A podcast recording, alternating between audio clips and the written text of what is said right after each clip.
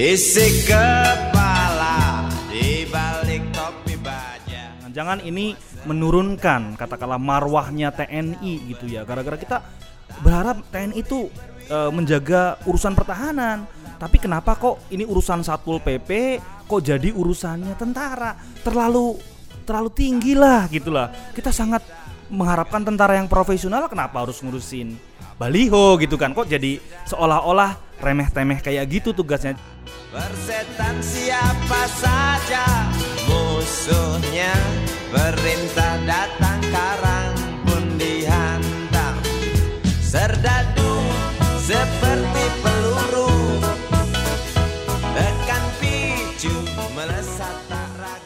kapan Pemda itu minta dan bagaimana mintanya bantuan. Iya. Ya kan? Kapan itu, diatur. dilibatkan? Ya. Kapan diakhiri? Termasuk bantuannya apa? Durasinya Apakah bantuannya ya. personil? Apa itu bantuannya dalam bentuk alat?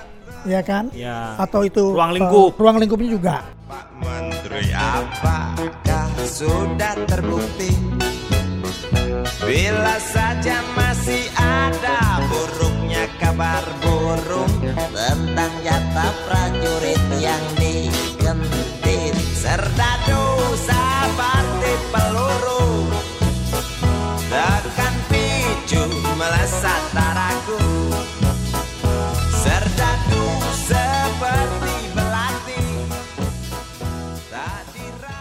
Selamat pagi, selamat siang, selamat sore, dan selamat malam Kapan pun kalian ngedengerin podcast ini Kembali lagi bersama Hamburger Podcast by HRWG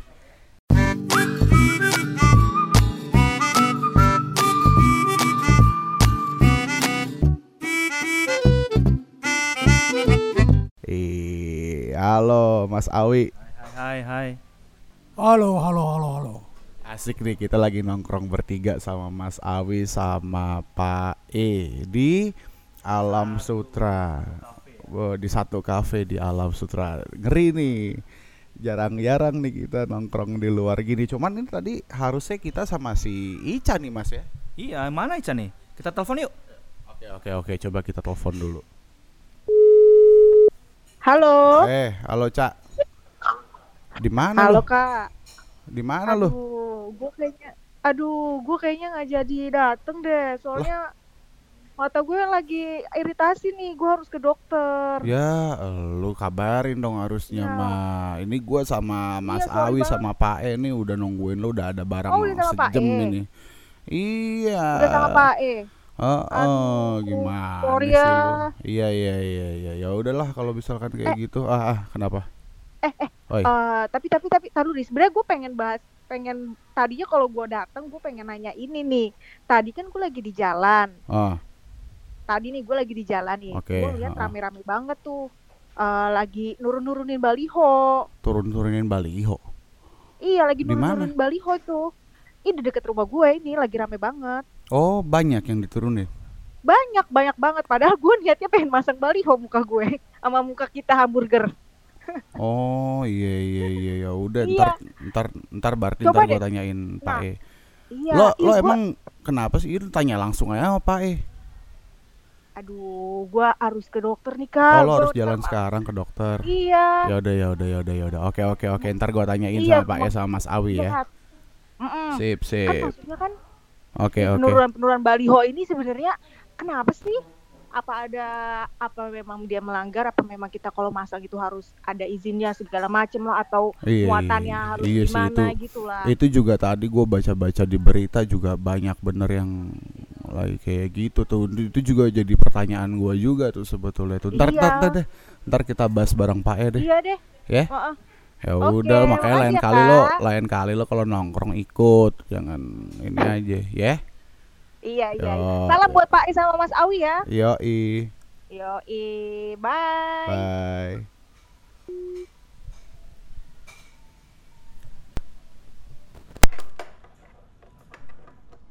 Aduh, si Ica itu mas. Jadi, rupanya dia itu nggak bisa datang gara-gara matanya sakit, merah. Tuh, Ya, gimana orang sakit ya udah. iya. Kan? Cuman tadi itu mas, dia dia tadi ngomong dia tadi rupanya tadi juga pagi sempat keluar di dekat rumahnya itu Pak eh di dekat rumahnya si Ica itu lagi banyak banget baliho diturun-turunin Baliho apa nih? balihonya itu Rizik Sihab Oh ya ya ya ya, ya lagi banyak. Ah, nah i- dan dan kebetulan juga gue juga juga bingung pak eh kebetulan juga tadi pas lagi baca-baca berita aku juga banyak tuh ngeliat tuh berita soal Pangdam Jaya Dudung Abdurrahman ya kan dia bilang Iya. begitu oh siapa yang yang memasang kembali baliho FPI akan ditangkap kayak kayak gitu tuh dia ngomong tuh pak eh Ya ya ya Nah. ya ya. itu sebetulnya emang nah itu tadi pertanyaan yang sama yang kemudian Ica tanyain juga emang kalau pasang baliho gitu harus ada izinnya yang pertama itu katanya katanya si Ica terus yang kedua yang dia nanyain juga emang tentara boleh emang punya hak punya wewenang buat turun-turun itu gimana sih pak eh Iya iya iya Iya iya. kan? Iya. Iya.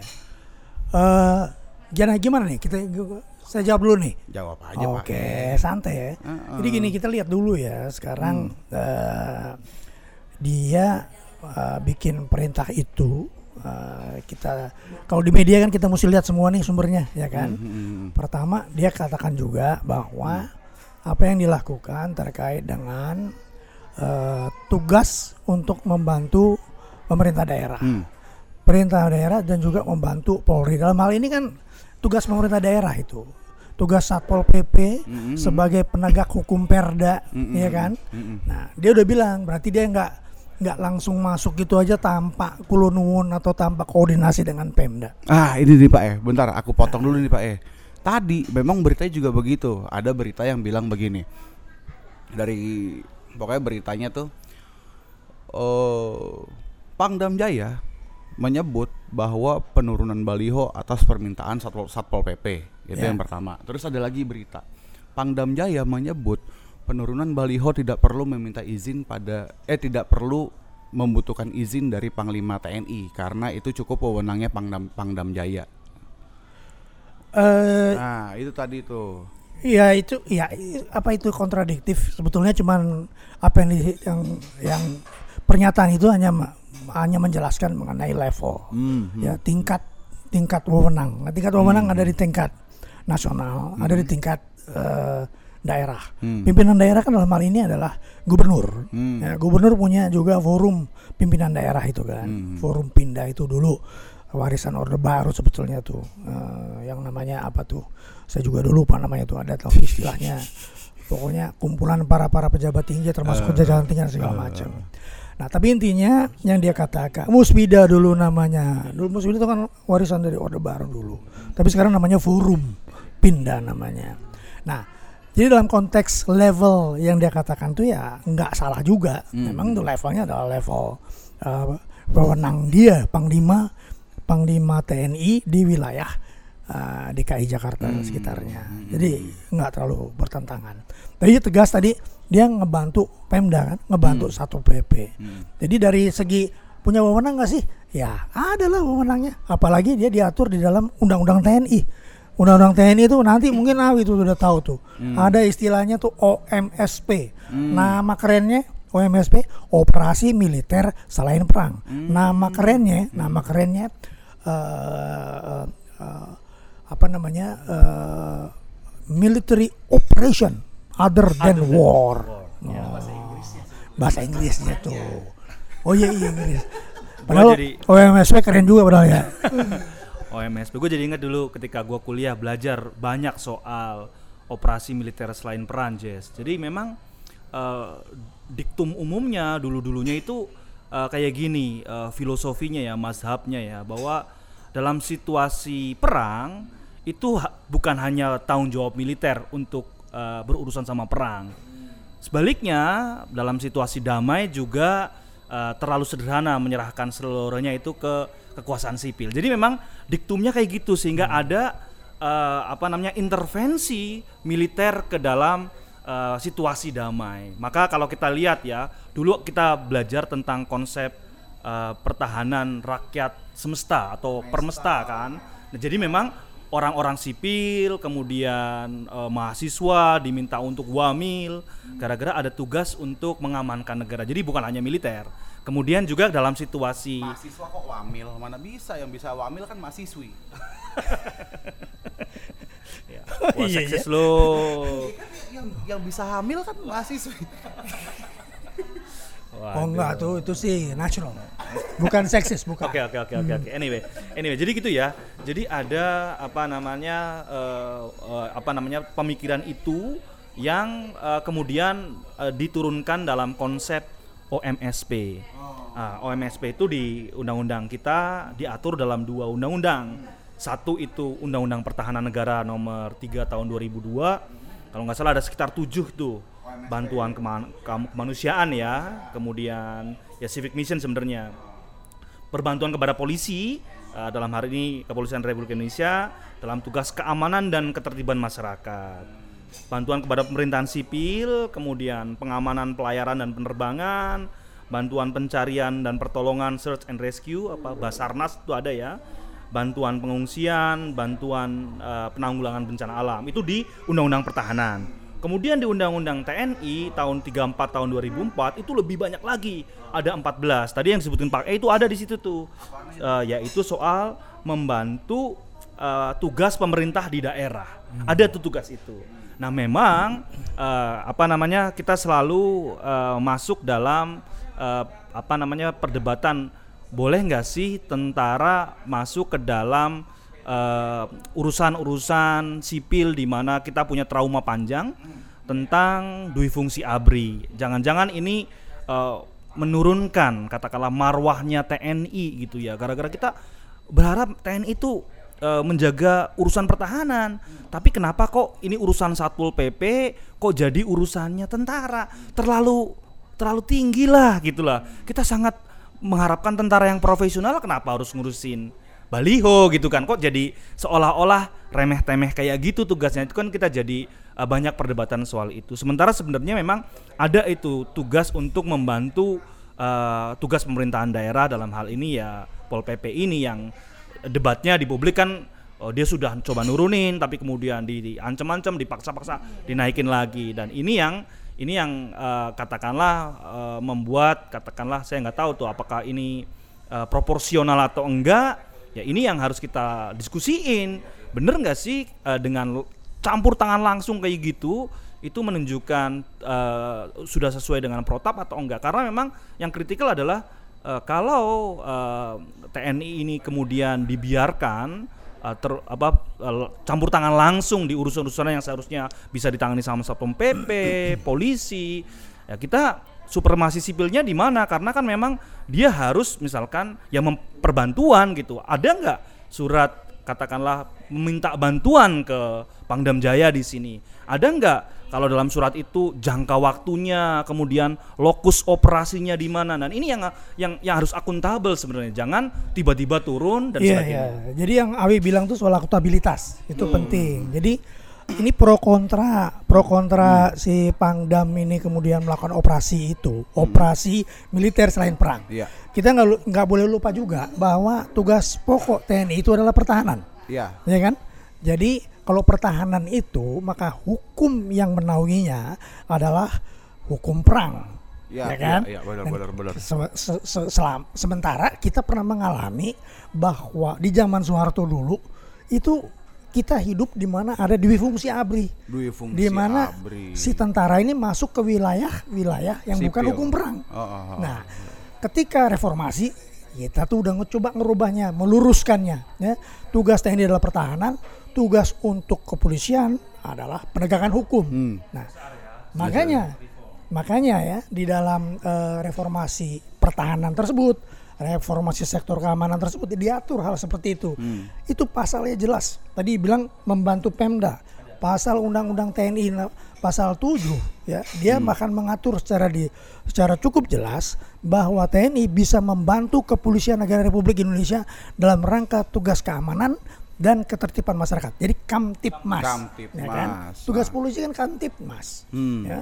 Eh, tapi harus diatur dalam undang-undang. Hmm. Nah itulah diatur dalam undang-undang ini seharusnya yang masih kurang dalam persoalan undang-undang kita masih belum punya undang-undang perbantuan Ah. itu yang lacking hal ini sama isunya sama boleh nggak sih tentara nangani terorisme ya boleh tapi bagaimana ngaturnya karena pengaturannya yang belum iya ada. pengaturannya berarti. yang masih belum belum terlampau rigid sehingga Ah. nanti kalau aturannya tidak rigid Oh, oh, oh. akuntabilitasnya jadi susah Oh. gitu. Ya, kita balik lagi ya dikit. eh, kalau kita eh, ngomongin soal pelibatan militer ya, itu kan tidak hanya praktek yang ada di Indonesia sebenarnya. Ini kan praktek umum di seluruh dunia bahwa militer itu terlibat dalam operasi-operasi selain perang sebenarnya. Dulu di negara-negara demokratis apa pun sekalipun ada. Gitu misalkan kan pengamanan presiden, tamu negara, bantuan bencana dan sebagainya itu pasti ada. Nah, mengapa eh, itu terjadi dan apa saja yang yang membuat eh, mereka merasa harus berkepentingan mengundang militer? Kalau dalam strat- eh, studinya itu ada at least tiga sebenarnya. Ada strategi eh, stra- apa namanya strategic dilemma. Itu berkaitan dengan keamanan ya, ancaman-ancaman non tradisional sebenarnya. Isu-isu misalkan Ancaman tradisional tuh apa maksudnya? Ya ancaman-ancaman eh, kalau tradisional kan ya perang berarti kan. Yang non tradisional sekarang eh, kita sering dengar misalkan ada perang terhadap narkotika. Nah itu kan jadinya itu kan bukan dari ancaman, bukan dari eh, militer atau ke- Termasuk senjata. terorisme, termasuk terorisme. trafficking. Nah termasuk itu. Nah maka eh, itu ada semacam strategik atau security dilemma sebenarnya di situ, di mana eh, tentara kemudian dilibatkan dalam soal-soal itu. Yang kedua itu juga eh, berkaitan dengan developmentalism di dilemma, development dilemma. Jadi soal-soal pembangunan sebenarnya. Jadi banyak di negara-negara berkembang eh, dalam konteks pembangunan itu dijaga sama militer untuk mengamankan proses pembangunan. Itu lazim di Indonesia, kemudian di negara-negara berkembang lain, termasuk juga di Amerika Latin. Dan yang terakhir pasti kita sudah sepakat, misalnya kayak situasi COVID kayak gini kan, itu soal humanitarian crisis. Itu legitimate untuk mengundang militer eh, masuk dalam perbantuan humanitarian crisis dalam situasi bencana, dalam situasi tsunami misalkan atau situasi termasuk erupsi. ini covid ini kan COVID ya yang sekarang bencana COVID. darurat Darurat. kesehatan Bisa, itu itu ada. Nah, yang ka- yang umum, yang karakteristik yang agak sedikit beda dari negara-negara lain tapi mungkin karakteristiknya karakteristik di Asia Tenggara. Ini kata Haripin ya, eh, peneliti LIPI, dia bilang yang agak sedikit spesifik di sini adalah soal eh, totalitarian belief atau eh, militer merasa eh, dianggap sebagai the guardian of the state, tentara pejuang, tentara rakyat sehingga ya penjaga. Kalau sudah ada keamanannya eh, sudah apa eh, beresiko ya dia ngerasa harus ikut campur tangan dan ini memang proses yang agak sedikit atau karakter yang agak sedikit khusus di eh, di daerah Southeast Asia. Oke. Nah, tapi satu hal yang kemudian sekarang jadi cukup jadi concern dari teman-teman nih ya. Dengan adanya penurunan baliho yang mana itu kan sebetulnya ruang-ruang sipil gitu ya. Ah.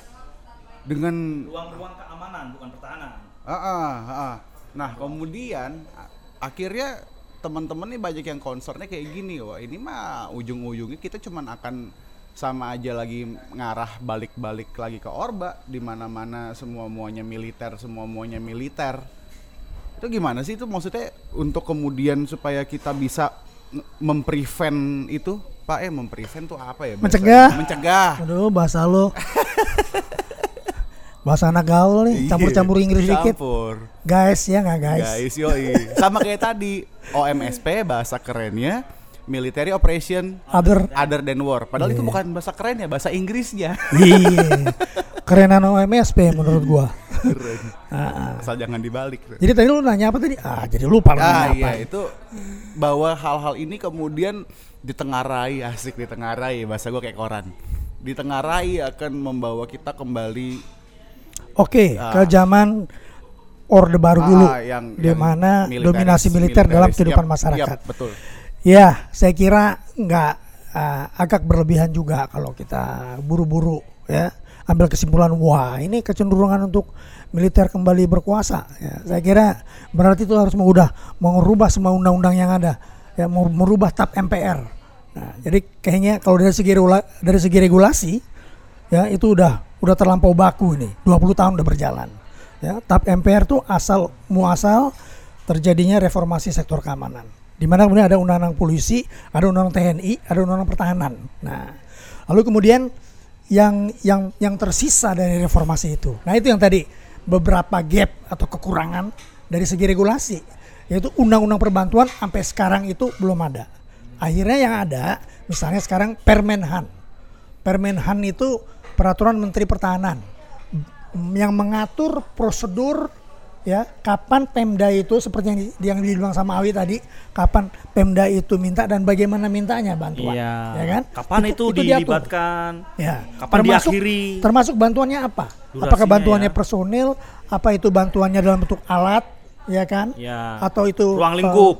eh, ruang lingkupnya juga misalnya sekarang dalam konteks dulu di Wuhan nih krisis awal di Wuhan itu kan kesehatan.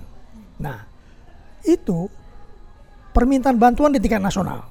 Berarti sekarang si Satgas Covid ketika itu ya kemudian meminta bantuan atau bahkan TNI berada di bawah koordinasi Satgas Covid komandannya ya kan? Nah untuk melakukan evakuasi warga Indonesia kita yang ada di Wuhan pada zaman krisis awal-awal. Siapa yang dikerahkan? Yang dikerahkan adalah TNI untuk bantuan kemanusiaan. Ya, Ya, itu itu- dan itu kita harus akui bahwa yang paling siap, yang paling siap dari segi organisasi dan logistik, ya, dan kecepatan untuk merespon itu adalah TNI. Tidak ada elemen elemen lembaga-lembaga negara ataupun masyarakat lain yang yang mempunyai kemampuan seperti itu. Nah, jadi itu proporsionalitas, Yap, ya kan? yap, yap. Jadi kita harus akui itu hal yang positif operasi militer selain perang ya memang udah merupakan tugas TNI maupun tentara-tentara di seluruh dunia juga gitu.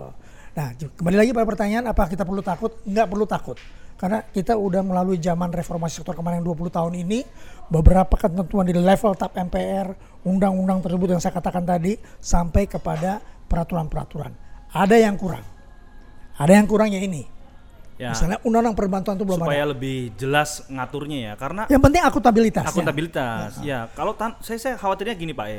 Saya ngelihat kalau eh, itu begitu loose apa sebegitu terbuka bisa menginterpretasikan sendiri, saya sangat khawatir eh, apa namanya memang kita kepleset lagi karena memang eh, ada kesejarahan kan, ada trauma juga eh, tentara masuk dalam dalam terlalu dalam dalam urusan-urusan sipil. Maka sebenarnya yang sekarang perlu di, didorong adalah evaluasi.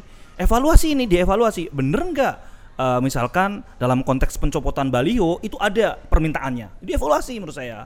Legitimate nggak upaya-upaya pencopotan itu secara prosedural? Karena apa? Militer itu adalah alat negara yang punya senjata. Dia hanya bisa dibatasi oleh peraturan, nggak bisa dia interpretasikan sendiri. Harus ada surat tugasnya dari supremasi sipil. Nah ini yang ini yang katakanlah eh, mengkhawatirkan kalau unsur-unsur akuntabilitas dan proporsionalitas itu nggak kita evaluasi, nanti ke depan kita merasa harus terkaget-kaget karena nggak ada nggak ada nggak ada transparansi juga suratnya kapan untuk kebutuhan apa eh, kemudian eh, MOU-nya bagaimana dan ini yang harus harus terus-menerus kita awasi bagi saya. Nah, pertanyaannya jadi gini nih. Si ini kembali ke konteks awal tadi kita mulai ngobrol ya soal pencopotan balihonya si FPI gitu ya. FPI ini kan pada dasarnya dia sama aja nih. Dia dia dia ormas. Dia organisasi masyarakat sipil. Iya betul. Ya kan? Kemudian dia pasang baliho lalu karena entah karena apa gitu ya. Terus tiba-tiba dicopot begitu. Kurang lebih kan gitu ya balihonya ya kan. Tiba-tiba si Pangdam bilang copot, copot, copot. Sama aja dong misalkan itu juga kemudian bisa itu juga kemudian itu juga kemudian bisa aja seperti misalkan HRWG nanti tiba-tiba punya duit pasang baliho gede gitu. Kita misalkan nih pasang baliho terus tiba-tiba karena dibilang wah ini Human Rights Working Group nih kerjaan apa lembaga HAM nih kerjaannya makin-makin negara mulu ah copot aja deh. Gitu ya. Ah, ya, Ya, ah. itu kan kemudian berarti harus ada tolok ukur tolok ukur yang jelas dong di man bagaimana misalkan kenapa si FPI dicopot misalkan atau apa atau apa itu gimana tuh Pak E? coba Pak E Eh, gini, kalau lu kalau kita mau pasang baliho itu udah pasti ada aturannya. hmm. Itu aja lah. Ya aturan sederhana kita bisa Google lah. Pasti ada. Itu pasang reklame buy one get one, emangnya nggak bayar? Itu kan bayar. dan harus ada izinnya. Pertama izin, kedua bayar. Kalau dia dapat izin dia nggak bayar, ditarik, dicabut sama satpol pp. Ya, lu bikin pam- kamu bikin pameran di sini nih, suka ada pameran misalnya, pameran apa gitu. Dia kan bikin baliho-baliho, bikin spanduk segala macam ruang publik. di ruang publik. itu juga harus ada izinnya. Tapi masalahnya sering baliho-baliho itu nggak transparan. Uangnya masuk ke mana, kemudian pelaporannya gimana, ininya ke mana, nah itu. Nah itu itu urusan lain, itu urusan lain lah. Ya artinya itu kita kita Di penekanan kita saat ini adalah adalah bahwa ada aturan untuk soal. Dan kalau kita melihat s- eh, penurunan baliho dari FPI, nah awalnya kan satpol yang nurunin, satpol nurunin tapi dinaikin lagi, satpol nurunin dan dinaikin lagi, gitu. Nah jadi kayaknya nggak nggak diindahkan eh, satu tindakan dari satpol pp untuk penegakan perda itu nggak diindahkan. Makanya kemudian apa namanya eh, Pangdam ini menawarkan atau melakukan bukan hanya menawarkan membantu si Pemda dan polisi. Nomor satu kemudian dan jangan lupa juga TNI ini kan udah masuk di dalam satgas untuk pengamanan COVID. Kita Tapi juga kan di sini bukan covid konteksnya Pak. Ini kan spanduk. loh iya eh, spanduk ini kan terkait dengan mobilisasi massa. Oke, ya. ya. mobilisasi massa kerumunan itu juga akibat dari spanduk itu. Nah, nah, ini bagian yang kita harus lihat secara kontekstual. Ya, nah, ya, kontekstualnya gimana? Kita lihat deh. Ini yang pro kontra ini ya apa yang dilakukan oleh TNI banyak yang muji, banyak yang berterima kasih, kirim-kirim bunga segala macam. Nah, itu berarti kan ada pandangan yang ada sebagian masyarakat kembali mendapatkan rasa aman. Tapi saya sih agak cu- apa ya namanya ya, yang karangan bunga karangan bunga gitu kayaknya nada-nadanya kok mirip-mirip. Gua aku sih ngerasa agak agak ngerasa apa ya? Ya memang kepercayaan publik itu nggak ngerasa agak. Keper- kepercayaan publik terhadap ini sangat tinggi sebenarnya. Kalau dalam surveinya Carta Itu. Politika itu 80% itu termasuk institusi yang paling dipercaya Nah, itu. di negeri ini. Jadi survei udah bilang begitu. Begitu memang. Res- respon publik berarti begitu. Iya. Ya berarti kan cukup kita mengatakan bahwa ini bukan rekayasa. Bu, bu, artinya gini Pak, ya, artinya dengan nada-nada yang se, apa namanya kemudian pengirim alamatnya juga nggak begitu-begitu jelas tuh kayak ya apa namanya grup-grup WA, grup lah ini. Ya bagi saya sih oke lah. Ya, itu ada kan- kepercayaan publik yang tinggi tapi jangan diturunkan menurut saya ya. Kan ada polisi. Polisinya ke mana nih sekarang nih? Kalau saya ngeliat kok kayaknya uh, urusan keamanan ini kok uh, tiba-tiba kayak jumping gitu ya. Harusnya satu PP ke polisi. Kalau polisi nggak kuat, baru minta ke ataupun ya yang jelas ada surat permintaannya. Saya ngelihat ini absen polisinya. Nah gimana nih? Daripada langsung ke tentara kan harusnya polisi. Saya ngelihat oke kalau kalau dalam uh, nanti evaluasi di ada uh, katakanlah uh, jelas apa namanya permintaannya, efektivitasnya kita ukur dan sebagainya. Nah, sekarang peran polisi di mana di sini? Aku lihat peran polisi itu ada. Dia kan bagian dari penegakan hukum. Ketika perda itu kemudian coba diterapkan atau ditegakkan, dan kemudian polisi menjadi satu tim. Kita lihat sekarang untuk penertiban hal seperti itu, itu menjadi satu tim. Ada satpol pp, ada polri, ada tni. Itu udah menjadi satu satu paket lah katakannya. Jadi kalau bicara soal surat permintaan atau apa, itu saya kira dalam paket untuk pengamanan perda tersebut membutuhkan polisi dan TNI. Jadi saya saya kira di situ aja lihat kita minta kepada kepada uh, lembaga terkait, "Eh, tolong deh jelasin di mana sih operasi ini akutabilitasnya gimana. Itu aja sebetulnya. Jadi eh, Polri ada, apalagi kemudian ada kekosongan kan, ada pemecatan Polri kan ketika itu. Nah, ada Kapolda baru, nah, Kapolda baru langsung bikin statement mendukung dan ini sebetulnya mengambil kembali tugas dia bahwa leadership kepolisian Polda mengalami krisis krisis kemarin karena tiba-tiba ditarik apa di eh, dicopot, lah Dicopot. istilahnya Ya. Akibat dari peristiwa kerumunan itu Hmm. Nah, berarti dianggap tidak tegas nah harusnya polisi yang membantu satpol untuk tegas Enggak enggak langsung tapi kalau lompat bicara gitu langsung ya. lompat juga enggak mereka udah satu tim Oke Udah oke satu tim. oke. Sekarang coba aja lihat bagaimana jalur komunikasi antara tiga tiga lembaga tersebut, Satpol PP, Polri, sama TNI. Bukan Dagri, ini Pemda nih. Urusannya gubernur bukan Mendagri. Ya, Satpol PP itu di bawah di bawah gubernur. Hmm. Dan kita tahu secara kasat mata gubernur sangat permisif bahkan mengunjungi gitu ya. Nah kalau udah kayak gitu mana bisa tegas? Mana bisa tegas coba aparat di bawahnya dia langsung.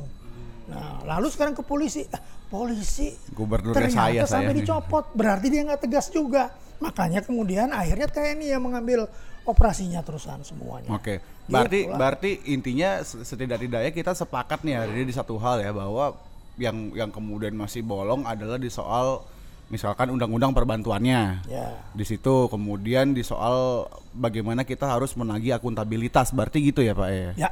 Ya gitu kan. Berarti kita sepakat se- sekurang-kurangnya di dua hal itu. ya. Ah, ah, evaluasi. Batasnya, Mm-mm. limitasi Oh ya, gue pengen ngomong nih dari segi yang lebih luas. pencapaiannya. Hmm. Gue saya pengen ngomong dari segi luas. Hmm. Kita yang jelas semenjak kedatangan apa namanya Rizik ke Indonesia Hmm. yang dengan narasi revolusi, ya kan, walaupun katanya revolusi akhlak, Hmm. tapi narasinya dari revolusi, gitu kan.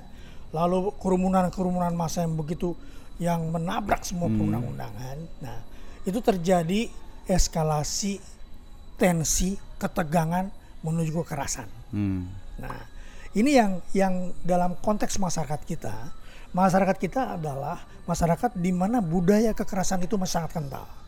Ya. Nah, dari dari pandangan orang-orang yang ingin mencegah terjadinya konflik massal, konflik komunal, ya, early warning mechanism atau mekanisme pendeteksian dini, maka ini eskalasi ini bisa berbahaya untuk terjadinya sebuah konflik konflik apa namanya eh, horizontal. Karena kita ingat sehari kemudian tiba-tiba ada aksi yang kemudian apa dari Indonesia Timur apa kalau nggak salah kumpulan massa lagi mengecam apa yang terjadi di kerumunan. Nah kumpulan massa juga gitu loh. Ada dua belah harusnya nih dua kumpulan massa ini harus diatur dengan aturan yang sama. Nggak boleh ada kerumunan.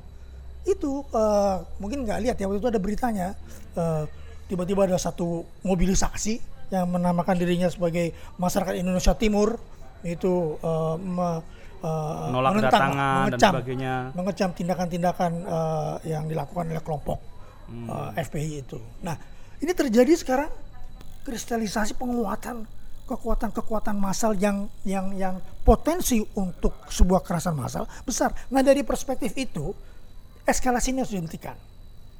Objektif kalau menurut saya, menurut gue nih ya, Ya, ya. bahwa apa yang dilakukan TNI efektif. Setelah itu eskalasi terhenti. Oke, dalam konteks Oke. eh, meredam eh, konflik, Eskalasi. eskalasi konflik. Ya. Jadi kayak semacam, ya sebenarnya punya, tapi ini agak sedikit aneh bagi saya dalam ya kalau, dalam melihat aneh dalam pengertian gini. Biasanya kalau kayak gini itu eh, misinya di luar negeri misalkan peacekeeping operation, ya kan PKO. Da- di situ kan untuk mencegah atau eh, setelah konflik selesai ada pasukan penjaga perdamaian. Indonesia itu apa namanya kontingen Garuda, Konga. Ini yang selalu nah ini apakah ini juga Itu terlalu jauh lah. terlalu ya makanya Ki- kita ini bukan Jakarta nih, Ya. kan bukan daerah apa namanya? Konflik. Bu, tunggu dulu, Jakarta bukan daerah habis perang, makanya Nah, bukan daerah seperti dulu Syria di misalkan. seperti di Syria atau nggak Ya. usah jauh-jauh. Dulu di Kalimantan ketika konflik konflik Sambas, horizontal terjadi, ya. Jakarta ini adalah suatu keadaan sebetulnya damai, Ya. tapi yang namanya potensi-potensi kekerasan itu itu teridentifikasi. Makanya saya bilang ini level Jakarta doang, ya. Level Jakarta doang, belum di level seluruh Indonesia. Di mana budaya, saya bilang budaya nih, kita udah masuk budaya nih.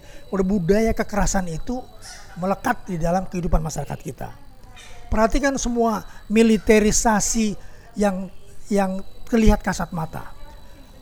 Betul. Kita lihat partai politik. Di mana partai politik yang nggak punya satuan-satuan satuan-satuan yang militeristis, Ya, ya, ya. berseragam, menggunakan simbol-simbol seragam. Ini kan potensi-potensi. Ini adalah potensi untuk sebuah kekerasan. Hmm, Itu dari perspektif orang yang ingin Paramiliter mencegah. ya. Paramiliter istilahnya. Mana? Jadi memang masyarakat ini adalah masyarakat yang masih permisif terhadap budaya kekerasan. Iya, iya. Persoalan kekerasan yang kita alami di Jakarta ini tahun 98 itu kan tidak terlalu selesai. Bagaimana eh, eh, eh, eh, eh, kita kembali eh, membuat supaya kekerasan seperti itu tidak terulang lagi. Ketika terjadi kerusuhan, rasa ketakutan terhadap kelompok minoritas itu begitu kuat. Rasanya pengen kabur aja dari Jakarta. Hmm. Nah, itu apa? Berarti ada satu situasi, kondisi yang faktual bahwa eskalasi kekerasan itu mengancam beberapa kelompok minoritas. Iya. Ini ini konkretnya gitu. Makanya dari perspektif pencegahan kekerasan massal, apa yang dilakukan oleh eh, Pangdam kemarin ternyata efektif. Ternyata efektif. Tapi tetap saya bilang pencegahan keamanan. Heeh. pencegahan kekerasan massal. Penjagaan konflik. Meskipun kemudian di banyak isu lain masih bisa kemudian diperdebatkan lagi gitu ya. Tuh, Nah, akuntabilitas harus Nah, ya. Di ruang apa ini kita bisa bahas akuntabilitas TNI? Seharusnya DPR ya kan memanggil, mengevaluasi. Seharusnya di ruang-ruang sana kan di mana ada representasi. Oke lah, sekarang kita ngerasa nggak terwakili suaranya sebagai rakyat sama parlemen kita, tapi seharusnya ada ruang-ruang untuk membahas eh, operasi-operasi yang tadi itu di DPR Jadi, seharusnya itu. DPRD dulu lah. Oke, DPRD dulu. DPRD dulu, Oke. baru karena ini menyangkut sekarang objek vital nasional, misalnya soal bandara, Bandara, objek vital oke. nasional. Ya, ya, ya, ya. Apalagi ini ibu kota, ya, Ya. itu boleh ke level DPR. Ya memang betul, akuntabilitas di situ. Jadi komisi satu bisa mengundang misalnya. Ya Komisi satu bisa di ngundang. DPR. Ya, ya, Kemudian ya. di DPRD juga begitu. Dia juga punya komisi yang terkait dengan eh, keamanan dan ketertiban. itu Betul, bisa ngundang dua-duanya.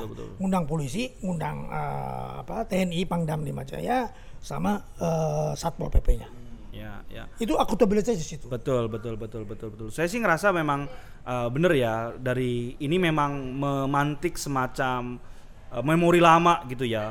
Mungkin kayak semacam trauma lama gitu ya.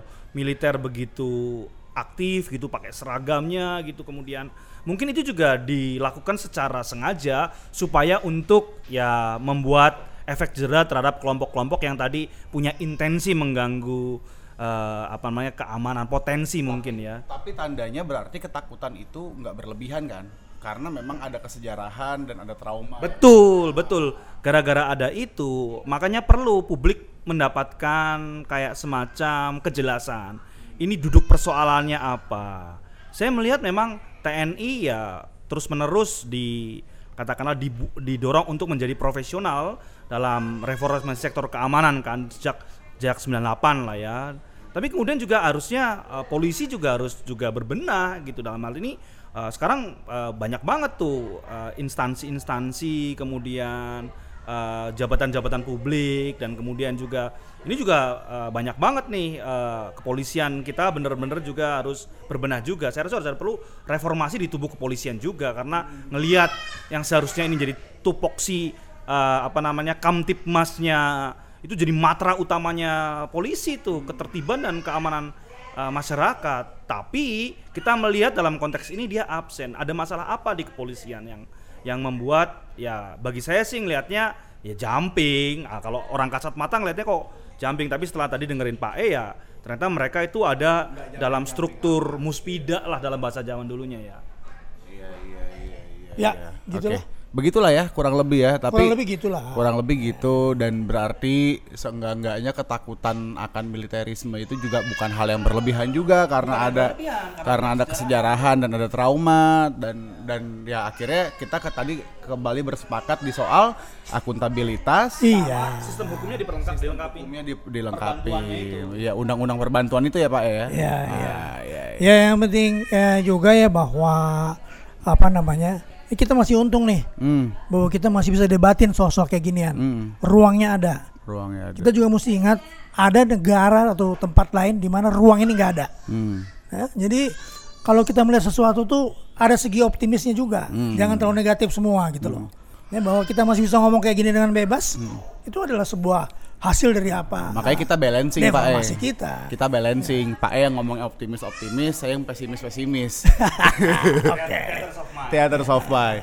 Kalau gitu selamat siang buat semuanya. Gitu ya terima kasih. Salam Oke. dari Pak E berbaju putih dan bercelana hitam salam dari saya berbaju Eh, hitam Pak dan E itu siapa sih? Pak Rafendi Jamin. Nah, gitu loh, dari tadi gue gak dikenalin nih. Ui, Kan kan jarang udah, udah, udah, udah berapa kali? Udah James sama James udah waktu yang Ya kan ini Kita- episode Oh, lain, iya, iya, gimana? iya. per episode harus jelas Eh, dong. Dari Pak E berbaju putih bercelana hitam dari saya ber- Berbaju loreng, berbaju, berbaju hitam bercelana abri. Dan dan dari Mas Awi. ABCD Awigra. Abri bukan cepak doang. Keren tuh. Bye bye, bye bye. Thank you semuanya.